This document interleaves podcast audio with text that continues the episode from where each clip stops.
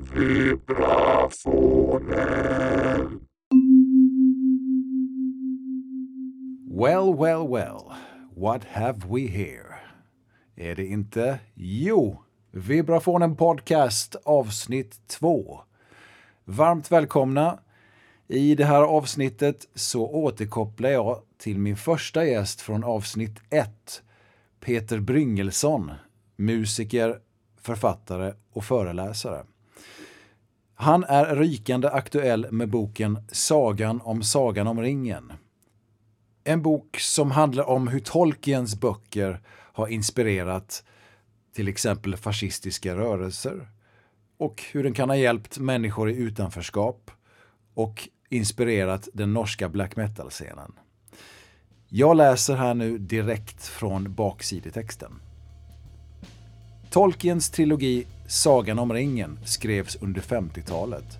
Starkt färgad av erfarenheten av två världskrig och fick ett enormt genomslag under 60-talet då hippies och gröna vågare kunde identifiera sig med de piprökande hobbitarna och deras stillsamma lantliv i fylke. När Bo Hanssons skiva med samma namn kom ut 1970 gav den viktiga impulser för den svenska instrumentala proggen och med Peter Jacksons filmatiseringar från början av 2000-talet brast alla fördämningar och sagans innehåll blev allmängods. Dess inverkan på hela det kulturella fältet har varit enorm och musik, film, tv-serier och dataspel har gjorts på temat. Flummare är inte ensamma om att ha valt ut delar av sagan att identifiera sig med. För black metal-musikerna var det orkerna som lockade medan högerextremismen uppmärksammade böckernas undertext av renande raskrig och palantiren har blivit en symbol för övervakningssamhället. Till och med i det nu härjande vaccinmotståndet kan man ana influenser från Midgårdssagan.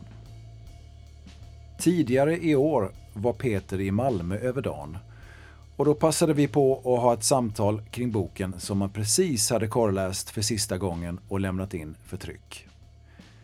Nu ska jag ju erkänna att jag har inte läst någon av Tolkiens böcker. Har inte du heller gjort det så skulle jag nog säga att det inte gör något. Det är inget hinder för att komma in i samtalet. Har du någorlunda koll på karaktärerna, storyn, världen så räcker det gott nog. Vet du till exempel inte vad palantiren är för någonting? Då kan du lyssna vidare på avsnittet så har du snart ett hum om det. Sist jag träffade Peter var i somras innan hans konsert med jordmån på Solhällan i Löderup. En fin konsert med nya tolkningar av Jan Johanssons klassiska album Jazz på svenska. Vi började med en snabb återkoppling till det och jag berömde honom för de oväntade valen av covers som de blandade in i Jan Johansson-repertoaren. Håll till godo! Du, eh, senast vi sågs var i somras i Löderup på Ja. Solahällan. Ja, När du spelade med jordmån.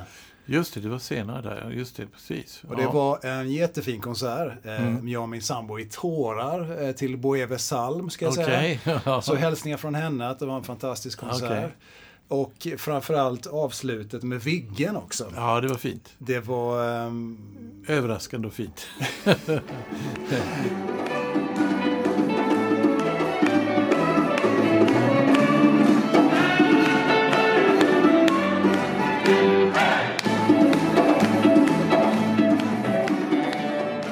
Hälften av liksom musikerna hatade den Aha. och hatade att framföra den.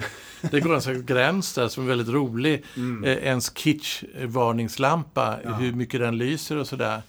Eh, där min fru är exempellös på att inte tåla någon typ av country eller Aha. durklang eller någonting sånt där. Utan det, det ska vara svår indie Nick Cave eller någonting Mm. sånt för att det ska duga. Medan jag är väldigt... Eh, jag tycker om det där när det ibland är över i varningslampan så att säga. Eh, själv, men sen har jag mina gränser där jag absolut eh, där jag får spykänslor och så. Liksom. Men jag tänker i rätt kontext så funkar det. Jag tänker just i den där så bröt jag på ett väldigt roligt Ja, sätt. visst, för att- och ni gjorde en egen tappning dessutom. Ja, för det är dessutom så att eh, hela de där Jan Johansson-låtarna, de, de går liksom i moll och gläntar till dur. Mm. Och sen plötsligt spelar vi Viggen och den går helt i dur. Mm. Finns ingen tvekan längre liksom. Nej. Så det... Det är ja. release. ja, precis. Men du, du är ju, eh, nu är frågan, har du nästan, ser du dubbelt nu? Nu sitter du och korrläser gissar jag din eh, kommande bok. Ja, jag har gjort det något, alltså folk, eh, folk tror nog gärna att man skriver en bok nästan som att man sätter sig ner och skriver. Så skriver man i, i åtta månader nonstop och så är det mm. färdigt i och med det. Och så i själva verket är det att man skriver och sen eh, korrigerar man. Alltså man skriver typ eh, några kapitel, sen korrigerar man och korrigerar. Jag tror jag, jag är väl uppe i 70 80 läsningen och hela tiden upptäcker man fel och saker som behöver åtgärdas och sånt där. Mm. Eh, så det, det, har varit en enorm, det här är nionde boken och jag har aldrig läst igenom så många gånger. Mm. Eh, nu har jag, jag avslutat med ett kapitel som egentligen handlar om någonting som jag brinner för att tala om. Det är, många frågar mig, hur kan du vara så jävla kreativ? Mm. Och då är svaret är att jag, jag utnyttjar mina drömmar till det. Eh, mm. Och det är liksom, eh, jag gjorde ett radioprogram en gång som handlade om allt möjligt som kunde vara magiskt. Så att jag låg i sådana flow to relax och och eh, skrev upp mina drömmar och sen blev jag hypnotiserad av den berömda Ture Arvidsson. Mm. Eh, och han bara egentligen räknade ner från helt med vanlig röst när jag låg på en brits bredvid honom. Så, ja, nu räknar jag ner från 10 eh, och så kommer jag till noll och då är du i ett hypnotiskt tillstånd. Då kan inte du röra dig. Och så räknar han ner med inget hokus pokus, bara helt vanligt. Mm. Och när han kom till noll så sa han, nu är det ett hypnotiskt tillstånd. Jag kände mig inte ett dugg annorlunda, jag kände mig precis som vanligt. Mm. Jag, sa, jag försökte säga någonting men det gick inte att säga någonting. Men så, så sa han, prova och rör dina armar och så gick inte det. Va? Mm.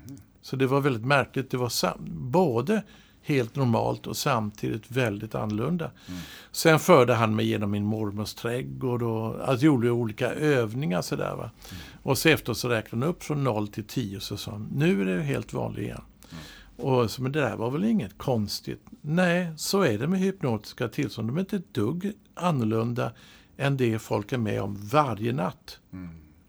Det är bara att man inte tänker på det som magiskt. Att, mm. och då så när jag gick hem så fan, det, för då sa han, det, magiska, det hypnotiska tillståndet inträffar precis när man somnar mm. och när man vaknar. Det innebär två gånger per natt. Va?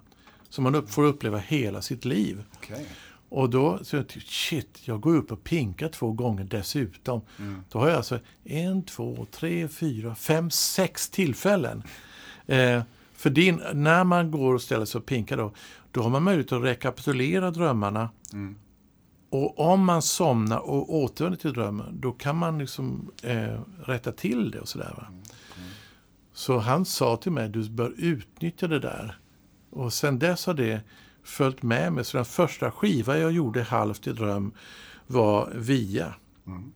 Som är från 1990 då. då mycket av de uh, utvecklingarna i första låten, den långa, det är gjort i dröm. Det kallas för hypnagoga drömmar. Mm. Alltså man kan till hälften styra det. Va?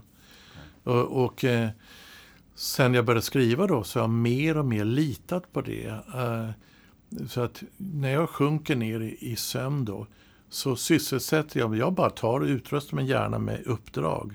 Nu ska jag tränga längre in i Sagan om ringen till exempel. Mm. Eller i en låt som inte är färdig. Och då behöver inte de här drömmarna sen handla alls om det, utan min hjärna bara blandar. Det är jättefascinerande hur, hur hjärnan dessutom blandar. Alltså det, de, det kan helt oförmodat blanda en kompis jag umgås med länge med eh, någon människa jag träffade i Umeå för liksom 35 år sedan. Mm. Och vi möttes bara på en gata by the way. Och den personen återvänder i en dröm till mm. mig. Jag vet inte ens vad den heter. Liksom. Men det bara, min hjärna blandar, bara bollar med det så här. Liksom. Mm. Och så hela tiden, om jag tänker att varje gång jag vaknar ska jag återvända till mitt kreativa problem. Liksom. Så att det innebär att jag, då blandas det här mötet med någon från Umeå med Sagan om ringen och alltihop bara som en... Och det är superkreativt. Va? Men det är inte rätlinjigt, det är inte... Det är mycket ball... Alltså jag blir en mycket ballare person än vad jag någonsin är egentligen Mm, mm. personligen. Va? Mm.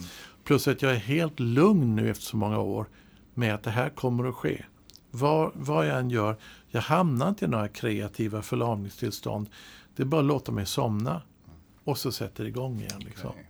Men kommer du tillbaka sen då? Men jag tänker eh, vad det gäller att skriva nu då till exempel. Ja, då gör jag så att under dagen då så fortsätter jag skriva och då återvänder de här. Eh, så nu i slutet på den här boken, då bara så nu när jag ska somna så då återvänder jag till Midgård. Mhm. Och så, och så ligger jag och tänker på, för då, liksom det finns massor av konstiga saker i den där boken. Till exempel att alltihop sker under samma årstid. Det är aldrig vinter, aldrig höst, aldrig vår. Det är alltid någon slags sommar. Och ändå fortgår det under 13 månader. Hur fan är det möjligt? Den enda gången de möter snö det är uppe i bergen och det är en helt annan sak. Va? Men annars är det alltid sommar. Varför, kom- hur, varför gjorde han det? Det hade varit jättehäftigt om det blir höst och vinter plötsligt. Och i den ryska versionen, då är det vinter. Är det sant? Ja, det är jätteroligt. Eftersom de är så vana vid vinter, så varför inte vinter? Liksom så. Det skulle verklighetsförankras lite mer. kanske. Ja, precis. Så att det är så mycket saker som man upptäcker när man ligger och bara bollar med det här. Men varför är det så liksom? Varför har de inga pengar till exempel? Varför behöver ingen någonsin, och varför odlar de inte framför allt? Ingen odlar utom ho- hobbitarna. De har lite bondgårdar och sånt. Resten bara krigar. Och det, det är en, alltså om man har läst lite historia vet man hur jävla beroende de här arméerna är av att äta. Det går inte att föra krig utan att kunna äta. Va? Men om man om som Rohans krigar bara spring, rider runt och dödar orker. När, vad ska de äta liksom? Det blir som en där, nej det här går inte. Och det, det låter som en jättefånig detalj. Va? Men faktiskt är det jätteviktigt. Va? För att jag har ju läst historia, ekonomisk historia och vanlig historia. Då är ju en, en jätteviktig sak att man, man börjar förstå att alla krig uppkommer ur ekonomiska trångmål. Mm. Så att man motiverar folk att kriga för att man helt enkelt håller på att svälta ihjäl på ett ställe. Och då invaderar man nästa land eller så. Men utan det, då blir det bara ett raskrig. Och då fattar man, vad, vad är det här? Det är en nazistisk utopi liksom. Så, va? Nu är inte Tolkien alls nazist, men han är definitivt en antimodernist. Han är ärkekonservativ och han idealiserar det slutgiltiga kriget som ska ta död på alla, alla krig. Mm. Och det kommer aldrig att hända. För det, det, det, det förutsätter att man i och med att man förintar orkerna så kommer de aldrig att återuppstå. Och det är en oh, extremt naiv dröm. Så har maffian trott i alla år. Om man har ihjäl alla från den familjen så kommer vi vara av med problemet. Tror man på det? Nej, då kommer någon son från den familjen komma och förinta nästa familj. Så var det i turkiska samhällen också där man hade sån blodshämnd genom århundraden. Va? Så det blir sammantaget en extremt naiv dröm om ett samhälle som saknar orsak och bindning till. Dessutom en annan sak som är så jävla konstig. Det är ju att Tolkien är ju eh, katolik, djupt troende. Men i Midgård finns det ingen gud. Och det är jättekonstigt. Det finns inte ens kyrkogårdar. Det finns inte bönelokaler, kyrkor och sånt. Det är bara det det är, va? en sagovärld. Så de enda som är andliga på det sättet, överandliga, det är ju Sauron. Mm. Han är som djävulen. va? Ja. Men det finns ingen motkraft, en gud som vakar över dem. Men det finns det i Narnia som var kompisen C.S. Lewis verk. Mm, just det. Mm. Där finns eh, lejonet Aslan som är en symbol för Gud. Liksom. Men i, i, i Sagan om ringen då är det så att världen skapas av en slags gudalik varelse någon gång i forntiden av musik. Men sen lämnar den varelsen bara, nej, jag lämnar carte blanche, nu får ni göra vad, vad ni vill. Sen håller ju då de här alverna, Gandalf och eh, sen Frodo och så håller på att bli gudar på något sätt. Va? Så de lämnar världen för att åka till nästa kontinent. Va? Nu gör jag det här lite, för det, är bara, det, det är saker jag har tänkt och bara tänkt vidare och vidare och vidare. Och i och med att det här så, de tänker sig det är en, en värld som är Midgård, som faktiskt är jätteliten också. Den är så jävla liten så det är inte klokt. Det är som avståndet mellan Kalmar och Falkenberg. Eh, större är det inte liksom. Och nästa kontinent dit de åker, alverna, och där de blir andliga på något sätt, den är ju på det sättet inte världslig liksom. Utan det är till hälften en slags efter döden-värld. va? Och det är allt. Det formar ju en platt värld faktiskt. Det är inte ett jordklot utan det är en platt värld. Liksom. Just det. Och det blir så här, herregud vad konstigt det här Och hur kan vi tro på det här? En, en annan sak, jag bara, så, det är så jävla roligt att upptäcka sånt här. Det är att den alltså propagerar ju för att röka brass. Va? Gandalf. Ja, men alltså, i, I filmen så är det 15 och 15 in i första filmen. Så sitter Bilbo och Gandalf och Just delar det. på en pipa brass. Det. De säger till och med Best weed in the whole Shire. Och, det, och där sitter barnfamiljer och tittar på och säger. Pappa, vad är detta? Varför röker de brass för? Liksom? Så att det är väldigt roligt att, det, är- att det, vi har låtit det slinka med på något sätt. Va? Så att eh, ja, jag är full av eh, häpenhet inför den här världen och så. Men det du var inne på nu, eh, ska se om jag kan haka på detta. Eh, de olika raserna och karaktär. Ja, Jag tänkte vi skulle kunna, om det är okej att vi leder in till det du har kommit fram till i din bok, gissar jag. Jag har inte läst den, men det här med politiska rörelser, Ja, ja. hur de identifierar sig. Är det okej om vi liksom hoppar in den vägen? ja, det kan vi göra. Eh, Men det, det, är en, det är en lång berättelse eftersom eh, när jag var ung och mötte Sagan om ringen, då var det hippierörelsen och framför, det var Beatles. Alltså Beatles var ju på ett sätt, de signalerade för en hel värld vad som var hippt på något sätt. Och inte bara hippt utan var anbefallet att man skulle forska i. Det kunde vara både instrument, eh, vilka in, musik, alltså gitarrer och basar. Men också åka till Indien, transcendental meditation och Sagan om ringen. Så 67-68 då vill Beatles göra en animerad film på Sagan om ringen. Med Paul som Frodo naturligtvis. Och eh, Ringo som eh, Sam. Eh, eh, George som Gandalf. Och det var John Lennon själv som ville vara Gollum. Eh, Men det här hindras av att eh, Bilbo, eller vad säger jag, eh, Tolkien själv hatar Beatles. Så att eh, han bara, det blir aldrig av, det kan ni drömma om. Eh, så det, eh, men det gör ändå att en hel ungdomsgeneration kommer att digga Sagan om ringen. Och då är det mycket första boken. Liksom. För jag ser att det går som en skarp gräns genom framförallt första boken. Så Bosse Hanssons musik skildrar ju ungefär sju titlar innan Dimmiga bergen. Och två titlar efter alla strider är över. Sen har du tre titlar som handlar om eh, två delar i boken där det bara är krig. Liksom. Det utesluter i princip Bosse Hansson. Så han skildrar resan, äventyret, mystiken och sånt. Och det är det som en hel ungdomsgeneration på 70-talet hakar på. Va? Så man ser flummandet, världsfrånvändheten, Tom Bombadil framförallt som ideal. Liksom. Eh, där han eh, ungefär fnittrande dansar sig fram genom världen och ser krig är ingenting att bry sig om. Det är bara att öka på och ha det kul. Liksom. Så, va?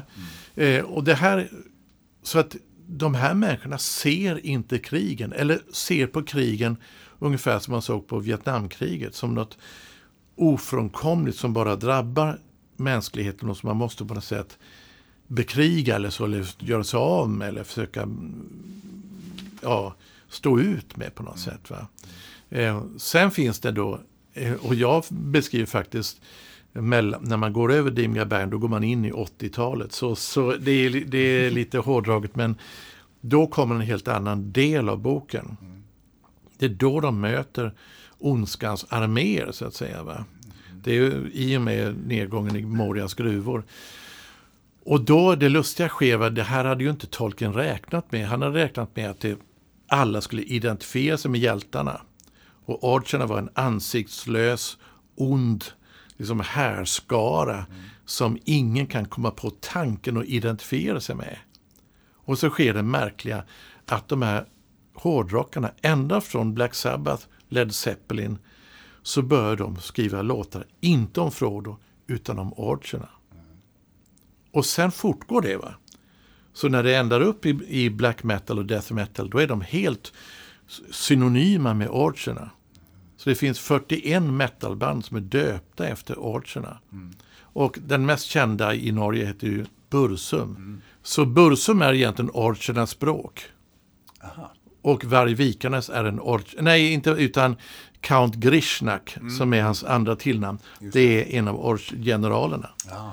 Så mitt antagande är att de här metalfansen, de går via Sagan om ringens onda armé över till att digga Satan. Mm. Så att många av dem, som Bursum, han går via Sagan om ringen och alla hans tillnamn är från Sagan om ringen över till att bli satanist. Och sen konverterar han till eh, asatroende och sen till nazist. Så det, han går hela vägen runt, vilket är väldigt roligt. Men det, den transformationen inleder ett kapitel i hela ungdomskulturen på ett sätt där det är helt okej okay att en hel eh, hårdrocks eh, genre har djävulens tecken som liksom signal. Det här med eh, pekfinger och lillfinger upp som tecken på hornen och sånt där. Och det tas som någonting ballt och roligt. Liksom. Men i det här är det ju också band som tar det här på allvar. Som eh, Bursum som mördar folk och så vidare. Ja. Det finns ännu värre exempel. Ja, nu säger inte jag att alla blir så här av att lyssna på det här. Man kan lyssna på death metal och tycka det bara är jävligt rolig musik. Och det är hela ungdomskulturens credo det här att man kan låtsas vara nazist, man kan låtsas vara precis vad som helst. Va? Det är egentligen moralbefriat. Va? Mm. Men de som är lite konstiga eller lider av ett trauma, de kommer att tolka det här på ett helt mm. annat sätt.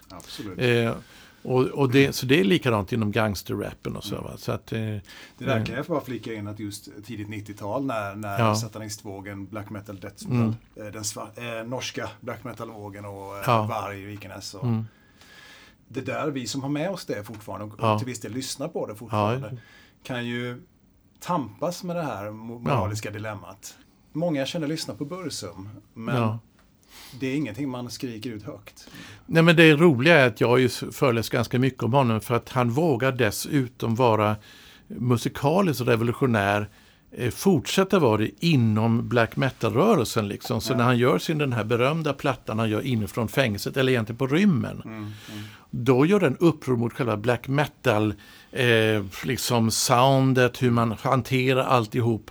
Och, och då säger han ungefär fuck you till sina egna kompisar liksom, mm. musikaliskt. Va? Mm. Så han är intressant, så är det. va. Är det. Och den här musiken då eh, är ju det mest brutala, omskakande som man kan lyssna på. Liksom. Mm. Sen då, du har 90-talet där.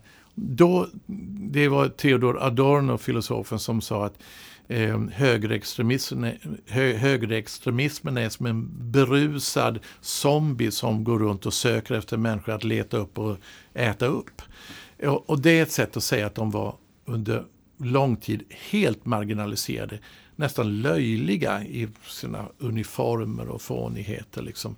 Ingen tyckte att de var något, inte ens att ta på allvar, ens att debattera med. Liksom.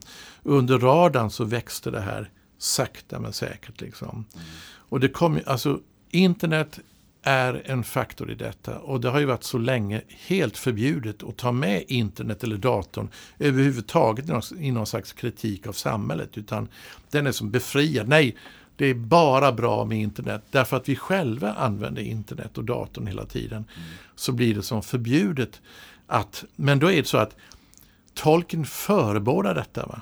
Och det är jätteroligt att se han tror jag egentligen har som mål att göra en kritisk bild av tv-apparaten. Som han hatade. Mm -hmm. eh, och då blir det så att först visar han oss Galadriels spegel. Som är som en vattenyta där man tittar ner i. Och i den så kan man se. Det, det är strikt sina egna drömmar. Mm. Det är som en självbespegling. Liksom. Men sen hittar de Palantiren som är de här slutna svarta kloten. Mm. Där har du datorn. Mm. Det är liksom, de tar upp den och då sluts användarens händ, den tänds upp precis som en dator. Eh, som en svart yta, så wung, nästan som man hör Apple-loggan liksom. Och sen så sluts händerna kring användarna så de kan inte göra sig fria själva.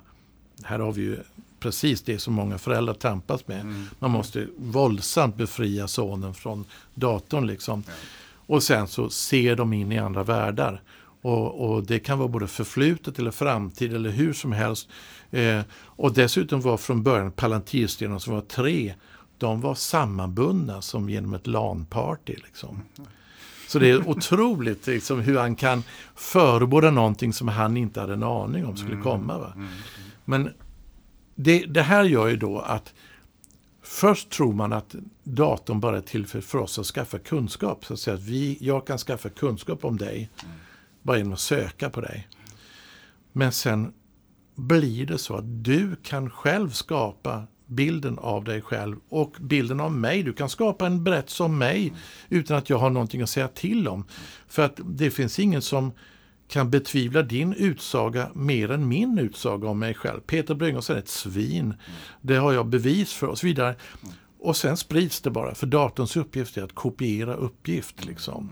Så då, som nu det var en kille i, i, på ett amerikanskt universitet som bara provar att lägga upp, det finns inga riktiga fåglar.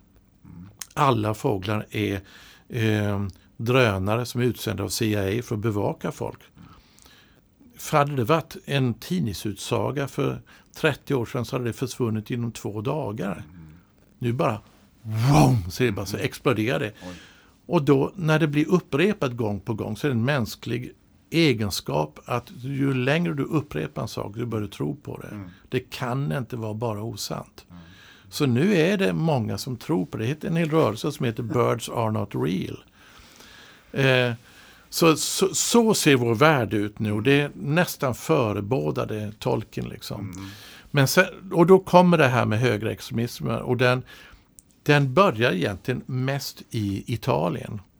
Mm. Eh, och de, alltså 1977, så eh, 73 kommer boken ut, Sagan om ringen.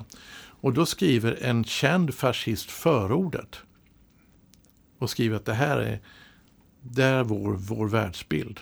Så alla som var fascister i Italien förstod boken som en, som en fascistisk testamente. Liksom. Det säger inte att tolken var det, men de förstod det som det. 1977 så, så är det ett gäng entusiaster som försöker skapa ett italienskt Woodstock med fascistiska förtecken. Och de döper det till Hobbit Camp. Och där låter man fascistiska psykedelika-band spela och ha seminarium om Tolkien. Och då börjar plötsligt det här sambandet vara så intimt förknippat. Mm. Eh, och då börjar man dyrka en, en, italiensk filosof som heter Julius Evola. Mm. Han var samtidigt med Mussolini, men var motståndare mot Mussolini. Och eh, han förespråkar nästan exakt det som Tolkien säger. Det är anti, eh, antimodernism, anti-industrialism, mm. eh, strikta hierarkier. Det är precis det som tolken säger, det bästa är envålds eh, monar monarkier som det är i Gondor och i, och i eh, alvernas rike och så. Va? Och, eh, så idag när man ska förklara Evolas teorier då visar man scener ur Sagan om ringen. Och det här har spritt sig som en löpeld i Italien. Så idag har vi fem stycken fascistiska partier i Italien. Mm.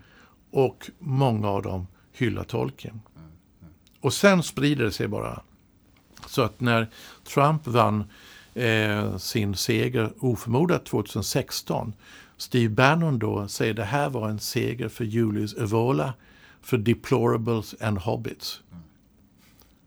Och då har det plötsligt blivit högerextremismens egen bok. Liksom.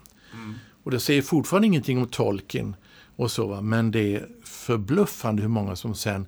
Det finns massor av nätsidor som hyllar den här filmen som en skolbok för fascistiska, renrasiga ungdomar. Och så.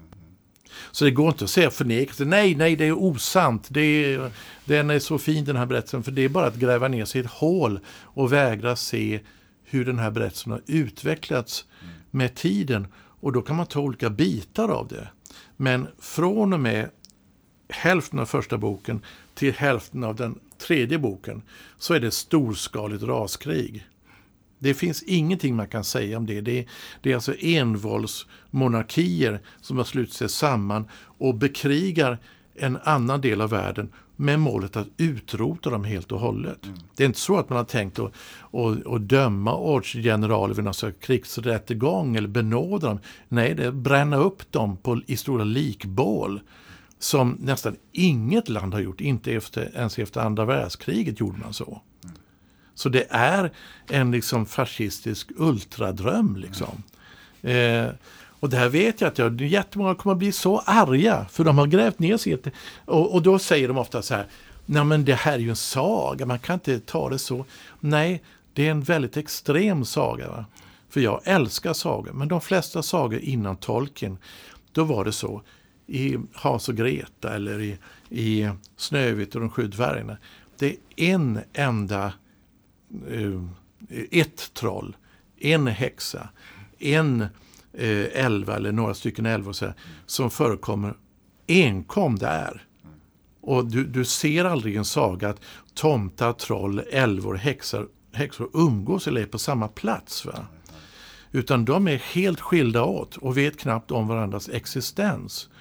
Och då är sagorna ofta är så att antingen så att de gör besök i, i vår värld en häxa kommer på besök eller vi snubblar in i det som Hans och Greta stöter på häxan ute i skogen. Liksom. Och sen lever de här i Hans och Greta, de lever vår värld. Det är med våra, alltså de, folk som hör den här känner igen exakt sin egen värld. Alltså det är en getapojke som vallar getter, precis det de levde i. Va? Mm. Och då blir den här enkomma häxan blir, belyser vår värld Både genom att vara udda och apart och sen stå för det onda in i oss själva. Mm. Men Tolkien är först med att samla alla sagovarelser han kände till i princip i en enda kontinent. Mm. Mm. Och de lever jämsides. Men så startas det ett krig mellan eh, ungefär fyra, fem raser på ena sidan. Det är Archer, Troll, eh, Nazguller, eh, balrogger på ena sidan. Och sen är det alver, dvärgar, hobbitar, människor. Ja, det är väl de på den andra sidan. Och de drabbas samman i ett stort raskrig. Liksom, med målet att utrota den ena sidan. Det finns ingen som kan säga att det inte är sant. För så är det faktiskt om man tittar på det rent kallt. Mm. Sen efter det har det följt massor av andra sagor. Harry Potter och Game of Thrones och så vidare som fyller på det. Och då har de unga människorna förletts att tro att så ser sagovärldar ut. Generellt sett tillhör sig alltid medeltiden och man har ihjäl varandra med svärd och pilbåge. Mm. Och det skulle vara finare än att ha ihjäl varandra med kulspruta. Liksom. Det förstår inte jag alls varför det skulle vara ädlare eller mer romantiskt. Liksom. Nej, nej. Och det har spritt sig så mycket. Va? Så att idag finns det ett antal vapensmedjor i Sverige där unga människor drömmer om att tillverka sitt eget alvsvärd mm. eller alvrustning eller så. Mm, mm. Så det är, alltså du märker jag är väldigt engagerad för mm. det här mm. har, vi har lurat oss att tro på en sak som inte är sant på något mm. sätt. Liksom. Och du har ägnat det nu, hur, hur, länge har du hållit på med researchen? Alltså jag har tänkt på Sagan om ringen hur länge som helst, men ja. aktivt två år kan man säga. Okay. Och då har jag intervjuat kanske 70 människor. Dels var med i hippierörelsen, för det är också en undersökning med hela hippierörelsen, hur mm. den såg ut. Med kollektiv och, och en genre som jag kallar för svensk instrumental psykedelia. Mm. Som in, de har samlat det tidigare under progg. Men det är så osant. Det finns ingenting gemensamt mellan Mikael Wiehe och Kebnekaise. Det, det är som så totalt väsensskilt. Mm. Liksom. Det är bara att de spelade på samma spelställen. Det var allt. liksom. Mm. Men om man samlar det som en svensk unik instrumentalrockgenre. Det finns inget land i världen där man har, vi hade ungefär 15 band som spelade helt in, in, in instrumentalt. Ofta med en jazztrummis i mm. bakgrunden. Och sen då med, som bara spelar in helt utan sång. Mm. Så Eh, I England, alla de där banden var sångband. Likadant Tyskland, likadant Frankrike, likadant i USA. Liksom. Så att, eh, eh, ja, så att det, där, det där har också varit en glädje. Och, och då har jag återupplivat det gamla ordet flum. Mm. Vilket jag tycker är ett utmärkt ord. Alltså. Har du fått upprättelse? Ja, jag vill göra det. Ja. Alltså, jag vill härleda det till ordet lummig. Mm. Som är efter att ha druckit två glas vin. Mm. Blir man ett lummig. Det är ett önsketillstånd. Mm. Inte för full, inte för nykter. Mm. Flummig är bara med ett F tillagt. Så blir man flummig av lika mycket brass. Alltså mm. lite disig liksom. Mm. Och det här kännetecknade en musikstil, en klädstil, allt möjligt. Och det var bara positivt kodat på 70-talet. Mm. Ja. Det är Carl Bildt som har gjort om det till ett negativt laddat ord. Mm. Där det betyder oredig i huvudet eller dum i huvudet till och med. Mm. Rörig eh, och så vidare. Odisciplinerad. Och det, det, det stämmer inte liksom. Utan Nej. det är ett unikt svenskt ord. Mm. Eh, som bara finns här. Och, och som eh, så flummig instrumentalrock kan man också säga. Mm. Som jag hyllar. Mm. Fläsket brinner, Samla mammas manna, mm. Ragnarök, Arbete och fritid. Made in Sweden, mm. hur många som helst. Alltså. Unikt i Sverige. Mm. Ja, häftigt. Men du, sen så har du då, ehm, jag tänkte på det här, du pratar om hur du har rört sig in i, att du började i Italien. Ja. Till viss del. Men det är också rört sig in i den svenska politiken. Ja, det är, SD är ju Sagan om ringen-nörd allihopa. De byter mm. kartor och och sådär liksom. Eh, men det är en större sak. Alltså, eh, det finns massor av extrema höger skivbolag som heter sak, titlar ur Sagan om ringen mm. och ur asatron. Och sådär. Mm. Eh, så det finns i princip inte ett vänsteranknuten band eller sammanhang som har namn ur Sagan om ringen. Det Nej. finns inte överhuvudtaget. Utan det är bara extremhögern mm. som har gjort den här resan. Mm. Mm. På den tiden, alltså när, när vi spelade i Tyskland, uh, tidigt 80-tal, då var det ofta klubbar som hette uh, Alvlandet eller ja. uh, Klubb Gandalf eller så. Mm, mm. Så på den tiden var det helt knutet till alternativ vänstern så att säga, eller mm. alternativ, alternativkulturen. Så det är en gigantisk resa, både boken, men sen handlar boken också om mig själv och de här mm. målningarna jag gjorde och sånt där. Så att, när kommer, när kommer boken då? I slutet av mars skulle jag tro. Mm. Vi, vi, nu är vi klara med manuset idag, så den kommer väl att var finnas klar redan i mitten av mars, skulle jag tro. Så den är, den är färdig? Nu är, den, nu är den färdig. Jag får mm. inte göra mer. Nej. Så det, Hur känns det? Ja, det känns bra för jag vet att jag verkligen nagelfarit allting och verkligen gått igenom den på alla sätt och vis. Liksom. Dessutom är det roligt för att jag känner att folk blir så besvikna över att läsa att den här boken har med fascism att göra. Mm. Så jag har gjort en vägledande liten liksom lotsning. Mm. När det kommer sådana kapitel, nu börjar det handla om sånt som ni kommer tycka är jobbigt. Mm. Så om man vill kan man hoppa över 150 sidor här och så titta ut i, på sidan det och det så slipper man läsa om mm. Mattias Karlsson och Jimmy Åkesson och sånt. Mm. Då kan det vara kvar i det här tro att den här boken är bara bra. Liksom. Mm. Så den kommer förmodligen inte säljas på sci-fi bokhandeln? Det vet jag inte, det tror jag inte. För det, de lever ju i en slags... i ögonen på nördarna, tänker jag. Ja, för att jag har till och med ett kapitel som handlar om autisternas mm. version. Där de tolkar det som att Frodo är autist. Mm. Det är det som är hela bokens problem eller, mm. eller gåta. Liksom. Ja. Och att de förenas och det. Bilbo, Frodo, Legolas är autister. Tom Bombadil har Tourettes syndrom. Eh, Saruman lider av, av eh, narcissistisk mm. person och så vidare. och Så vidare, så vidare liksom. Så de har tolkat en hel karta över psykiska avvikelser. Ja, är, det, är det en studie som har gjorts? Nej, studie kan jag inte säga, men det är liksom på sådana här hemsidor för autister. Liksom. Ja, ja. Men sen har man forskat på Gävle högskola om hur mycket Sagan om ringen har hjälpt autister också. Mm, det kan jag inte mm. heller säga nej till. Nej. Den här boken har varit till hjälp för många mm. i utanförskapet. Så är det. Mm, mm. men det gör den inte oskyldig till annat som är dåligt heller. Liksom. Nej. En annan rolig sak det är att, som jag kan avsluta med, det är att eh, i övergången där I, I slutet på 70-talet då såg man väldigt många som hade flippat över så att säga. Alltså mm. hippies som stod och dansade extatiska danssteg vid en scen och var helt inne i en förvriden bild av verkligheten. Mm. Men de försvinner plötsligt från scenen 79-80. Va? Och det är när de åker in på olika institutioner. Men då kommer hela den här vågen att nej, det är dåligt med institutioner. De ska ut i samhället. Mm. Så börjar man stänga mentalsjukhusen va? och då slussas de ut i samhället igen. Så mm. någon gång i mitten på 80-talet ser man dem vandra vilset runt på stan. Mm. Sökande efter något sätt glipa i tillvaron. Va? Mm. Och då har jag intervjuat några stycken dårar som nu säger jag Dora för jag säger det på ett kärleksfullt sätt. För jag umgicks med väldigt mycket sådana då. Mm. Och många av dem var inne i Sagan om ringen. Mm. Mm. Den blev, och det hade Åke Ormarks varnat för, översättaren den första. Så att det här kommer att bli en bibel för människorna i utanförskap och mm. psykiskt sköra. Liksom. Mm, mm. Eh, och då såg man dem vandra som ett slags arga uh, Aragorn på gator och torg. Så, så att det är väldigt kul hur den har kunnat nästan som en magnet suga till sig alla människors behov mm. under så lång tid. Ja, ja.